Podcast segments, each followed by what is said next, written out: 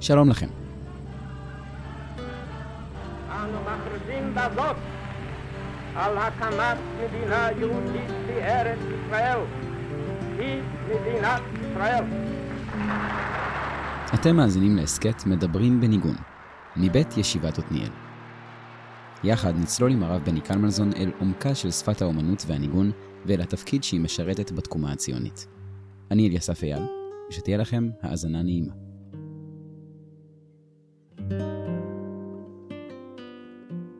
שלום הרב בני. שלום, ערב טוב, עכשיו אנחנו בערב, ערב טוב. כן, אנחנו מקליטים בערב. מה שלומך הרב? שבח לאל משתפר מיום ליום. ברוך השם, איזה יופי. הרב בני, בארבעת הפרקים הקודמים אה, דיברנו בעיקר על המבוא. לאן אנחנו ממשיכים היום? עוד קצת מבוא. עוד קצת מבוא. והפעם רב נחמן. נראה, נראה מה לרב נחמן יש להגיד על הניגון, ויש לו, וגם קצת נשמע ניגון, ואני אומר לאלה שמוטרדים מריבוי המלל ומיעוט הניגון, זה יגיע, בעזרת השם. ובזה סיימנו את המבוא, ואחר כך אה, תקופה, תקופה, וניגוניה וסיפוריה. אוקיי, אז אנחנו חוזרים למבוא, ובודקים האם באמת המוזיקה, שהיא שפה כל כך עשירה, כל כך משפיעה, באמת אה, נתפסה כך במקורתנו בארון הספרים היהודי. והיום אני רוצה לדבר על רב נחמן מברסלב. ורב נחמן מברסלב והניגונים זה משהו מאוד אה, מעניין. דעתו על ניגונים היא מדהימה. מהצד השני, מקובל להגיד גם שאין ניגוני ברסלב. ברסלב קיבלה את כל הניגונים שנראו לה מתאימים לעבודת השם. ועכשיו אה, אני רוצה לציין את המקור העיקרי, שגם הפך לשיר שכולם מכירים, שיר שבחוגים מסוימים הוא יותר מפורסם מהתורה של רב נחמן. המקור הראשון שבו אני רוצה לעסוק זה ליקוטי מוהר"ן תניאנה, חלק השני, תורה ס"ג. ושם מספר לנו רב נחמן, שכשיעקב אבינו מגלה שיש לו יריב גדול במצרים, שלקח ממנו את שמעון, וכרגע מאיים לקחת ממנו את בנימין, הוא שולח עם בניו באותה שליחות רוויית מתח וחשש, הוא שולח איתם כלי נשק מאוד מרשים להתמודד מול השליט הקשה הזה, שהוא עדיין לא יודע מיהו בכלל. הוא שולח להם, על פי רב נחמן, ניגון של ארץ ישראל. ומאיפה רב נחמן לוקח את זה? רב נחמן לוקח את זה מדרשה עצמאית שהוא דורש, שיעקב אומר, קחו מזמרת הארץ בכליכם. ואומנם רש"י מסביר שזמרת הארץ זה מלשון הזמירה של הארץ, כל מיני גידולים של הארץ, כפי שמשתמע בפסוקים הבאים, נכות, צרי, ולות, בוטנים, שקדים. אבל רב נחמן לקח את זמרת הארץ כמו שרש"י מסביר את הפסוק, עוזי וזמרת יה, לשון זמר. הוא שלח איתו ניגונים להפיג את חמתו או להפיג את קשיותו של השליט המצרי. וכאן רב נחמן מעלה בצורה נסתרת שאלה נוספת. האם המנהיג של המעצמה הגדולה, מצרים, שנראה בעליל שהיא יותר מפותחת מארץ ישראל המנומנמת, זקוק דווקא למוזיקה מיעקב אבינו. ועונה רב נחמן, שליוסף היה אוצרות גדולים של מוזיקה, אבל של מוזיקה מצרית. לא היה לו ניגונים של ארץ ישראל. ויש הבדל מהותי בין הניגונים של אה, ארץ ישראל לניגונים של מצרים, כי במצרים יש נוף, יש מרחב מסוג מסוים, ובארץ ישראל, ארץ כנען, יש נוף, מרחב וצמחים מסוג אחר. לכן גם הניגונים הם ניגונים שונים.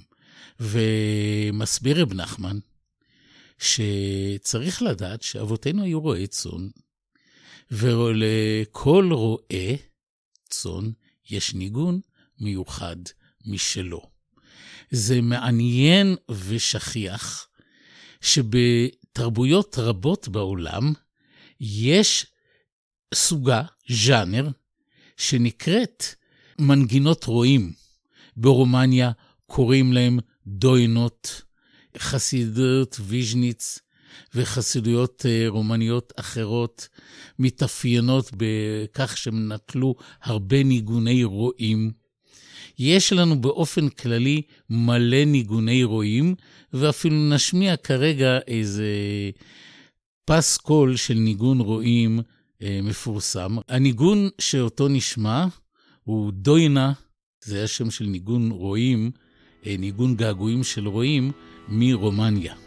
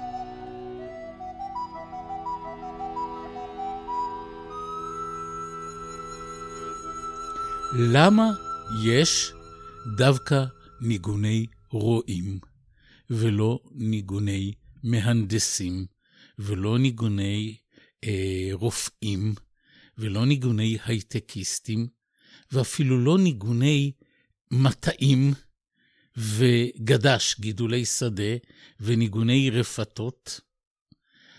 הסיבה לזה, אני חושב, היא מאוד מאוד ברורה. בניגוד לעבודות החקלאיות הרגילות, שהן מאוד מאוד ציוויליזטוריות, הן מהנדסות, הן מעצבות את המרחב, תפקידו של הרועה הוא לראות את צונו בתוך המרחב, להשתלב במרחב, ועל כן, בגלל הפסיביות הזאת, הוא יכול לשמוע, להאזין את המו, למוזיקה של כל מקום ומקום. ואומר רב נחמן, כי כל רועה ורועה יש לו ניגון מיוחד, לפי העשבים ולפי המקום שהוא רואה שמה. כי כל בהמה ובהמה יש לה עשב מיוחד שהיא צריכה לאוכלו, ולכן היא גם לא רואה תמיד במקום אחד.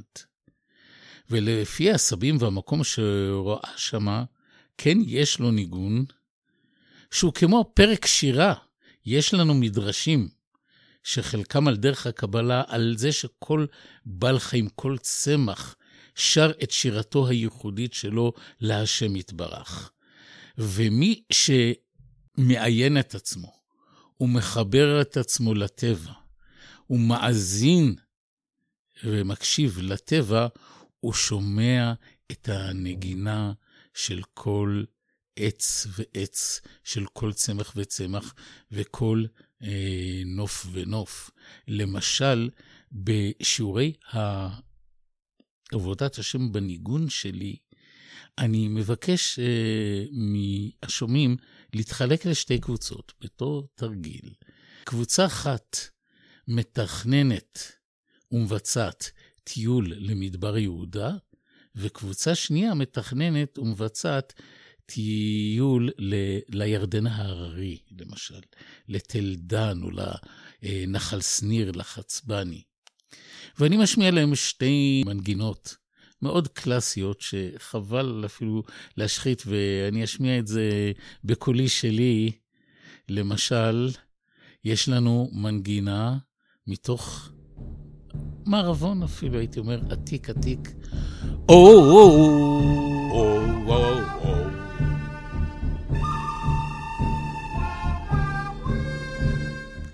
ויש לנו מנגינה, במקרה היא ניקח מנגינה של אדוארד גריג מפרגינט.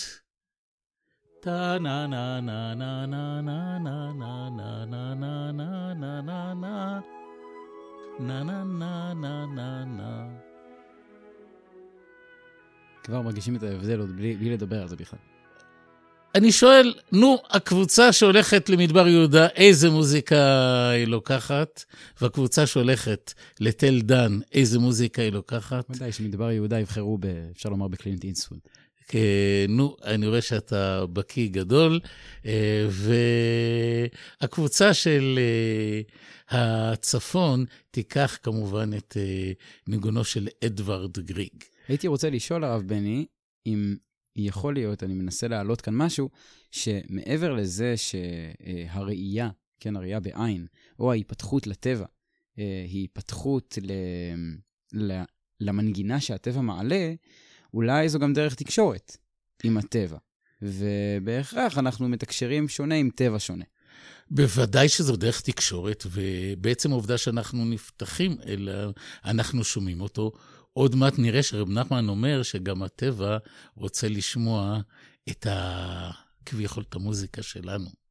ואם ככה, משירת העשבים נעשה ניגון של רועה, ועל כן מסביר רב נחמן, שמתי נולדו הניגונים? כאשר נולד מקצוע ראיית הצאן. כאשר אה, בבראשית, פרק ד' מסופר על אה, נשות למך, ותלד עדה את יבל, או היה אבי יושב אוהל ומקנה, ושם אחיו יובל הוא היה אבי כל תופס כינור ועוגב, כי תכף שהיה בעולם רואה מקנה, היה תכף מנגנים בעולם. על כן, אה, ההתמחות של רועה צאן זה נגינה, כמו דוד המלך, שהיה רועה צאן, אומר רב נחמן, ומצד שני גם היה יודע נגן והרגיע בנגינתו את uh, שאול מטרדותיו. וזה כבר בשלב יותר מתקדם. זה השלב שבו הרועים בעצמם הם גם בעלי, בעלי המנגנים. המנגנים, נכון, כי הם שמעו את המוזיקה במקומות הנכונים. ואולי האדמו"רים שרואים את צאן מרעיתם, החסידים, הם מבחינת... אה, הם כן, בהחלט שומעים את המוזיקה של האנשים. אם הם לא שומעים את המוזיקה של האנשים, אז הם... וידוע לנו אה, ש... לא אדמו"רים אה, מתאימים להם. וידוע לנו שבחסידויות גדולות, אה, לא בחסידויות גדולות, אלא אפשר לומר בהרבה מאוד חסידויות, הם גם בעלי מנגנים. כלומר, זה באמת הולך ביחד. זה הולך ביחד, כפי שראינו גם בגאון מווילנה, מהצד השני של המתרס, שאומר שמי שלא מבין בניגון, לא יבין לעולם בסודות התורה, אולי גם לא באנשים. עכשיו, אומר רב נחמן, שכאשר הרועה מנגן את ניגוני הסבים, הוא מזין אותם, הוא נותן להם אנרגיות, הוא נותן להם כוח, ולכן הם צומחים. ועוד דבר, אומר רב נחמן, דווקא בגלל שרועה מתעיין, מלשון עין, מתמזג עם הטבע, אפשר לחשוש, צריך לחשוש, שמא הרואה ילך ויתבהם, מכיוון שהעבודה הזאת איננה מאתגרת, היא מתמזגת, היא איננה עם אופק, היא איננה עשייה, היא מתמזגות לטבע. ואומר רב נחמן, על ידי הניגון, הניגון מעורר את נפשו של הרועה, והוא איננו מתחבר במובן השלילי אל הבהמות. כי כידוע, גם בחז"ל, רועי צאן, רועי בקר נחשבו אה, בתחתית סולם התרבות של אה, החברה, וביידיש היה הכינוי פסטוך, רועה, או פסטוחה, אה, לאישה, רועה או רועה, כינוי גנאי, כאילו, פרימיטיביים. הם רועי צאן. זאת התורה הראשונה שאומר רבי נחמן, הוא אומר עוד איזה דבר. יש שני סוגי צדיקים. אם הזכרת את נושא הצדיקים. יש צדיקים שהם שרים. שר הביטחון, שר האוצר, הם יהודיים, ולכן יש להם ניגון מסוג אחד, שמתאים לתפקיד שלהם. והם אקטיביים יותר. אבל הם מצומצמים יותר. כן. יש צדיק שהוא בחינת מלך. המלך, ראש הממשלה, הוא שייך לכל המשרדים, יש לו את כל האורות, את כל הניגונים של כל השרים, והוא יותר מהצדיקים הראשונים יכול להתאים לכל חסיד את הניגון שלו. דווקא כי הוא מקבל אליו את, ה, את המנגינות של כולם. של כולם. ספירת המלכות, הספירה המקבלת. והוא, נכון, ספירת מלך, מלכות, מלט למי גרמה כלום, והיא מקבלת את הכל. ולכן, במקום להתאים את התלמיד לרב, הרב נותן לתלמיד את השפע המדויק המתאים לו. זה הסיפור הראשון של רב נחמן. ואכן רב נחמן יוסיף לנו בתורותיו עוד שני דברים. קודם כל יישום. בשיחות תר"ן, אות קס"ג, כותב רב נתן, הכותב את הספר, סיפר לי איש אחד מזלטופולי, באוקראינה, קצת דרומית אה, מזרחית לקייב, שבהיותו יושב רבנו, זיכרונו לברכה, בזלטופולי, פעם אחת בקיץ, לקח אותו, אולי נקרא ככה, שלח את בתו הילדה שרה תחיה וקרא אותו, ובא לרבנו זיכרונה לברכה, ואמר לו רבנו זיכרונו לברכה, לך עמי לטייל. והלך עמו חוץ לעיר, והלך בין העשבים, ענה רבנו זיכרונו לברכה, שים לב כמה מתוק, ואמר, אם היית זוכה לשמוע את כל השירות והתשבחות של הסבים, איך כל עשב ועשב אומר שירה להשם יתברך, בלי פנייה ובלי שום מחשבות זרות, ואינם מצפים לשום תשלום גמול, כמה יפה ונאה כששומעים השירה שלהם, וטוב מאוד ביניהם לעבוד את השם. אנחנו מכירים את אחת היוצרות הגדולות בהוויה הישראלית, את נעמי שמר כמובן, כמובן. שלמדה הרבה תורה וחסידות, הן בצעירותה, בבית החינוך בדגניה, על ידי שני מורים, תלמידי חכמים, עמיהוד ושושנה ישראלי בדגניה. למדה אחר כך בחברותות, אה, תורות פנימיות, עם אה, שלמה ניצן ועם דודו אלהרר, והיא הכירה את התורה המופלאה הזאת של רב נחמן, והפכה אותה לשיר כל כך מדויק, כל כך נוגע וגם כל כך מוכר, אבל שווה לשמוע שנית. דע לך שכל רואה ורואה יש לו ניגון מיוחד משלו. דע לך שכל עשר ועשר יש לו שירה מיוחדת משלו ומשירת העשבים נעשה ניגון של רועה.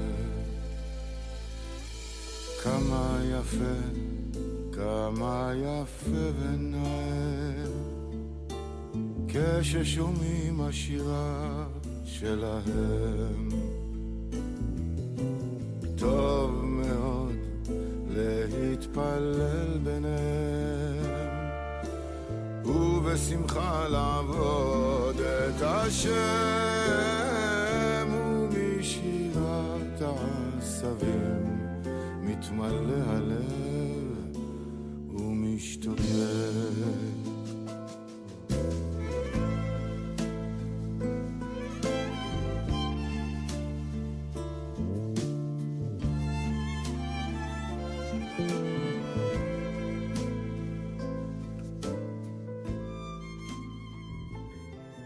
אני רוצה קצת לקלקל את המתיקות המופלאה ששמענו בשיר הזה, כי רב נחמן מאיר לנו הערה חשובה בליקוטי מוהר"ן תניאנה, תורה ג'.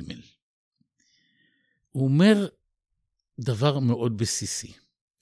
אם ניגון הוא דבר כל כך משמעותי, הוא כל כך עוצמתי, הוא כל כך בונה, הוא כל כך מחנך, הוא מסוגל להרים את הרועה מן הבהמות ולהעלות אותו לגבי מרומים, כל כלי נשק הוא נפלא כשהוא בצד הנכון, והוא בעייתי מאוד כשהוא בצד הלא נכון.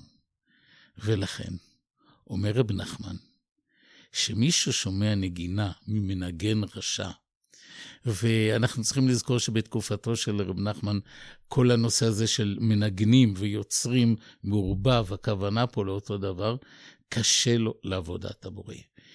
אם רוחניות טהורה זולגת וניגרת באמצעות שפת השיר, גם אנרגיה של טומאה, של בעיה, של רוע, כמה שזה נשמע חריף, יכולה לזלוג באותו דרך.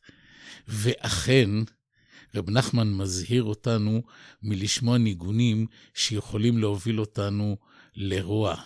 אני יכול להגיד שיש לי איזשהו מנהג כשאני יוצא לפעמים עם קבוצות במסגרת הדרכותיי בפולין, כשאני רואה בחור בקבוצת נוער וכדרך הבחורים, הוא מסניף מה-MP שלו, מהמכשירים שלו, לתוך האוזניים, אני מבקש, תן לי רגע את האוזנייה, אני רוצה לשמוע איזה מוזיקה אתה שומע. מהמוזיקה הזאת אני אדע, ולדאבוני ברמה גבוהה מאוד של סבירות, האם הבחור הזה יתחבר או יהיה מנותק. כי אם הוא שומע מוזיקה מאוד uh, מטאלית, מאוד אוטמת, מאוד uh, מעלה את סף הריגוש של האדם, יהיה לו קשה מאוד להתחבר למחזות הרגישים שאנחנו נראה שם במקומות הקשים והמרגשים שבמזרח אירופה. יש מוזיקה שפותחת את האדם, עושה אותו רגיש יותר, קשוב יותר, ויש מוזיקה שאוטמת אותו, שוחקת אותו, הופכת אותו לאדיש וקר יותר. אפשר להגיד בצורה כללית שבאמת, בגלל שמוזיקה, דווקא בגלל שמוזיקה כל כך כל כך משפיעה על הפנימיות, זה באמת הולך מאוד מאוד קיצוני לכל הכיוונים. כלומר, דיברנו על הפסיביות, על ההתמזגות. כשאני מתמזג עם סוג מסוים של מוזיקה, אני, אני באמת מבשיל בתוכי ומנביע בתוכי איזשהו משהו שמאוד מאוד מתקשר אליה, ויכול להיות גם מאוד מסוכן. כשאני מלמד את שפת הניגון הקלאסית, אני תופס מלחינים שיש בהם אלמנט של רוע. ומבחינתי הדוגמה הבולטת לעניין הזה, זה כמובן ריכרד וגנר, אה, מורו ורבו של הצורר אה, אדולף היטלר, בהרבה מובנים, וסליחה על הביטוי הבוטה, חלאה בזכות עצמו, חלאה מוכשרת.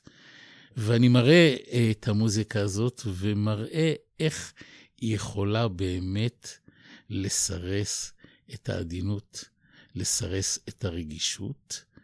ואכן אומר רב נחמן, כי מי ששומע ממנגן אה, טהור, אה, הוא שומע את הקול של שתי הציפורים הטהורות, המיתולוגיות, שמטהרות את המצורע. כי המצורע, הוא קיבל את עונשו בצרת בגלל שהשמיע קולות לא נחמדים של לשון הרע, ומי ששומע ממנגן רשע, מקבל אה, את אה, ניגוניו משתי ציפורים שבקליפה. אם אה, הזכרת מקודם איזה אדמו"ר שחקן של מערבונים, ואנחנו קצת אה, אה, מזכירים לאנשים דברים שהם לאו דווקא ממחוזות הקודש, אני יכול אה, להזכיר אה, סרט קלאסי של במאי קלאסי בשם אלפרד היצ'קוק, אולי סרט האימה הנוראי ביותר שראיתי בצעירותי, אה, שמבוסס על התנפלות של ציפורים על אנשים שלווים, על, על כפר שלו וכולי. אה, יש גם משהו בציפורים, זאת בעיקר בחיות כמו עורב, זאת אומרת, שמובאות, זאת אומרת, כמשהו שיוצר אה, קושי. אז מה? אז אנחנו לא נוכל לשמוע את הניגונים שלהם. לרב נחמן יש שיטה, יש דרך. הוא אומר, אנחנו לא צריכים להזניח אותם. לא צריך להשאיר אה, את אה, אה, וגנר לאלה שיטעמו ממנו. אנחנו צריכים ללמוד אותו כדי להבין אותו. אז איך נעשה את זה? אומר רב נחמן, מה יצא לזה? מי שלומד תורה שבעל פה, מי שיודע לעשות אנליזות, והוא עושה את זה בלילה, אומר רב נחמן. אתה רוצה לשמוע את המוזיקה הבעייתית בלי להיות בעייתי בעצמך?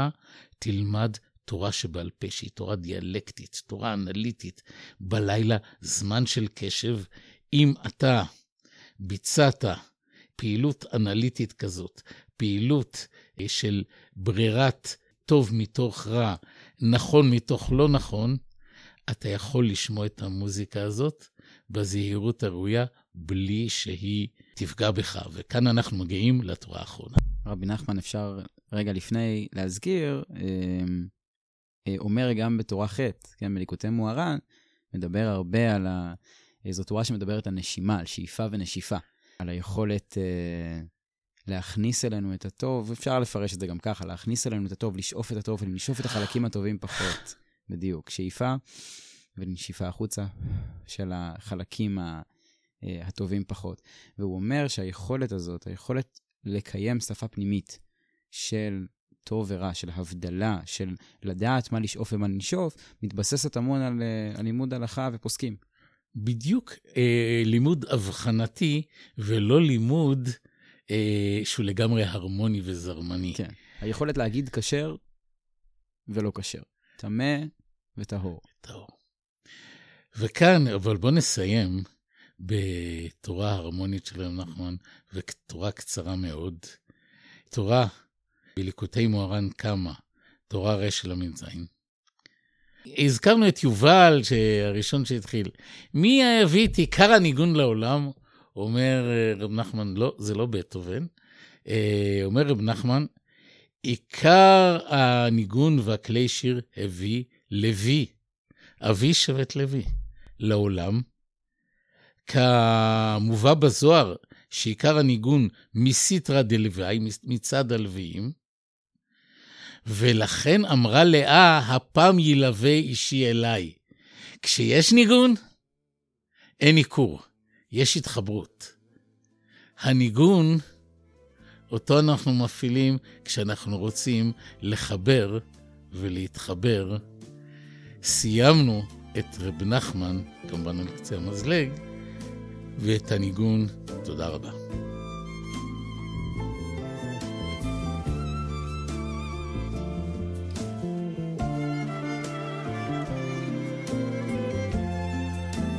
תודה שהאזנתם למדברים בניגון, מבית ישיבת עתניאל.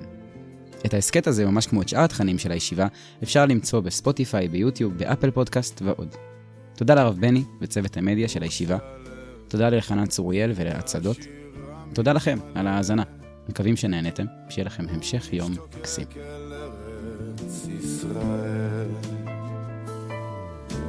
אור גדול, אזי נמשך והולך